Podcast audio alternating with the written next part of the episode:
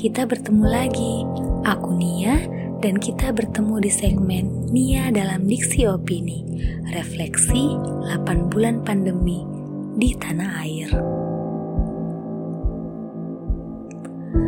Kalau aku bilang gak kerasa ya, udah 8 bulan kita ngejalanin hidup di tengah-tengah pandemi, rasanya kurang tepat. Karena aku tahu kita semua ngerasain 8 bulan ini sungguh amat terasa berbeda dari tahun-tahun sebelumnya. Mari kita kembali sejenak ke awal tahun 2020 saat kita mensyukuri atas hadirnya tahun yang baru. Begitu banyak resolusi dan target-target pencapaian yang ingin dilakukan di tahun ini.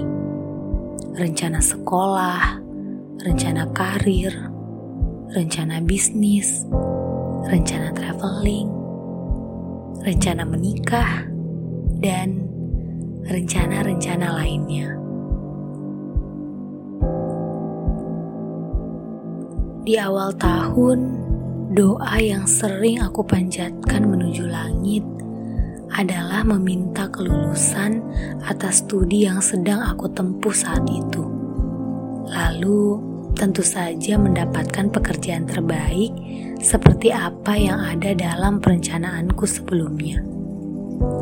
Dan alhamdulillah di tanggal 17 Februari 2020 Allah mengabulkan doa tersebut secara tuntas.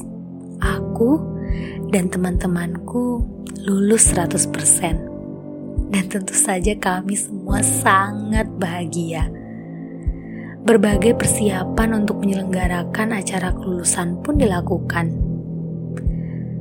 Dan di waktu yang bersamaan, serangan virus juga ternyata semakin tidak terbendung. Dan puncaknya, di Hamin satu acara kelulusan tersebut, ternyata perencanaan acara yang sangat kami tunggu-tunggu setelah melalui perjuangan studi ini harus berubah secara total. Ada banyak sedih, ada banyak tangis sore itu. Apalagi mengingat orang tua kami sudah berdatangan dari berbagai kota. Sore itu aku menyikapi keputusan yang diambil kampus tanpa derayan air mata. Apakah aku tidak sedih? Itu tidak mungkin mungkin. Sedih itu sudah pasti, karena di hari H pun aku tidak bisa lagi menahan air mata itu untuk tidak jatuh. Siapa yang tidak sedih di kala itu? Beranjak ke bulan-bulan berikutnya, aku pikir pandemi ini akan segera berakhir dan kita akan segera hidup normal kembali. Tapi ternyata tidak dan dugaanku salah. Yang terjadi malah sebaliknya. Di kota-kota besar mulai dilakukan PSBB. Dan kondisi ini membuat kita semua dipaksa untuk melakukan segala aktivitas dari rumah saja. Sembari juga melakukan berbagai protokol kesehatan. Berat, sangat berat. Bagaimana mungkin kegiatan kita yang biasanya 70% berada di luar rumah, lalu sekarang dialihkan hampir 100% hanya dilakukan dalam rumah saja. Jangankan berpikir untuk traveling keluar kota. Untuk bertemu teman dan sanak saudara yang satu kota saja, sulitnya minta ampun. Dari segi pendidikan, tentu saja juga terdampak. Sekolah dan universitas ditutup dan dialihkan menjadi sekolah daring. Perubahan ini perubahan yang siap tidak siap harus dijalani oleh pelajar dan pengajar. Bukan mudah menjalani sekolah online ini. Aku yang tidak merasakan tapi bisa melihat sendiri gimana pusingnya adik-adik sepupuku menjalani sekolah online hampir setiap hari. Para pengajar pun sama bekerja kerasnya aku rasa.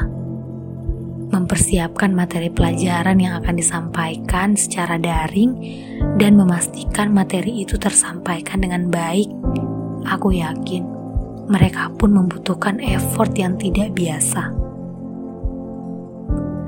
Dampak lainnya dari pandemi ini tentu saja banyak perkantoran publik ditutup, tempat makan, pusat perbelanjaan, dan tempat usaha lainnya juga mengalami hal yang sama. Roda perekonomian serasa bergerak begitu melambat. Hal ini tentu saja memicu pemutusan hubungan kerja di mana-mana. Sebagai pekerja, Tentu saja ini menyebabkan terhentinya pemasukan yang masuk dan menyebabkan kondisi ekonomi keluarga menjadi tidak menentu. Tapi sebagai pelaku usaha pun sama beratnya di kondisi seperti ini. Beban operasional usaha yang terus berjalan tetapi tidak diiringi dengan income yang masuk tentu saja menyebabkan pelaku usaha akan mencari jalan untuk meminimalkan biaya yang keluar dan salah satunya adalah pengurangan pekerja. Kita semua benar-benar dihadapkan pada pilihan-pilihan yang rasanya serba salah. Dan oh ya, mungkin tahun ini banyak di antara kita yang merasakan khususnya untuk umat muslim ibadah Ramadan dan perayaan Idul Fitri berbeda banget ya. Biasanya kita kumpul sekeluarga besar di hari raya atau saat bulan Ramadan kita berjamaah taraweh di masjid. Tapi tahun ini semua itu tidak bisa dilakukan. Tapi kita kan masih bisa melakukannya di rumah, iya kan? Dan yang paling menyedihkan dari pandemi ini adalah banyak sekali dari kita yang harus kehilangan orang-orang tercintanya. Dan juga banyak tenaga kesehatan yang harus berpisah dengan keluarganya untuk menjadi garda terdepan melawan pandemi ini. Kita semua mengalami fase yang sulit. Kita yang hanya di rumah saja sulit, harus bekerja atau bersekolah dari rumah. Tapi mereka pun yang di luar sana juga sama sulitnya bertahan dan menjadi perisai terhadap pandemi ini itu bukan hal mudah. Tapi dari semua yang sudah terjadi selama 8 bulan ini, adakah hikmah baik yang kita ambil? Atau adakah hal baik yang bisa kita rasakan? Jawabannya ada. Tidakkah tahun ini kita merasa menjadi begitu lebih dekat dengan keluarga kita di rumah? Jika biasanya hanya bertemu sebentar disebabkan karena aktivitas padat masing-masing di luar rumah, tapi sekarang kita menjadi punya banyak waktu untuk bercengkrama bersama. Makan bersama, melakukan aktivitas rumah bersama, Netflix bersama, dan Tidakkah tahun ini kita semua begitu sangat aware dengan kesehatan dan kebersihan dari tahun-tahun sebelumnya? Kebiasaan mencuci tangan, berolahraga, berjemur, dan healthy habit lainnya sangat meningkat pesat di tahun ini. Aku pribadi sih jadi rajin banget olahraga. Terakhir, Aku cuma mau bilang, pandemi negara kita belum berakhir.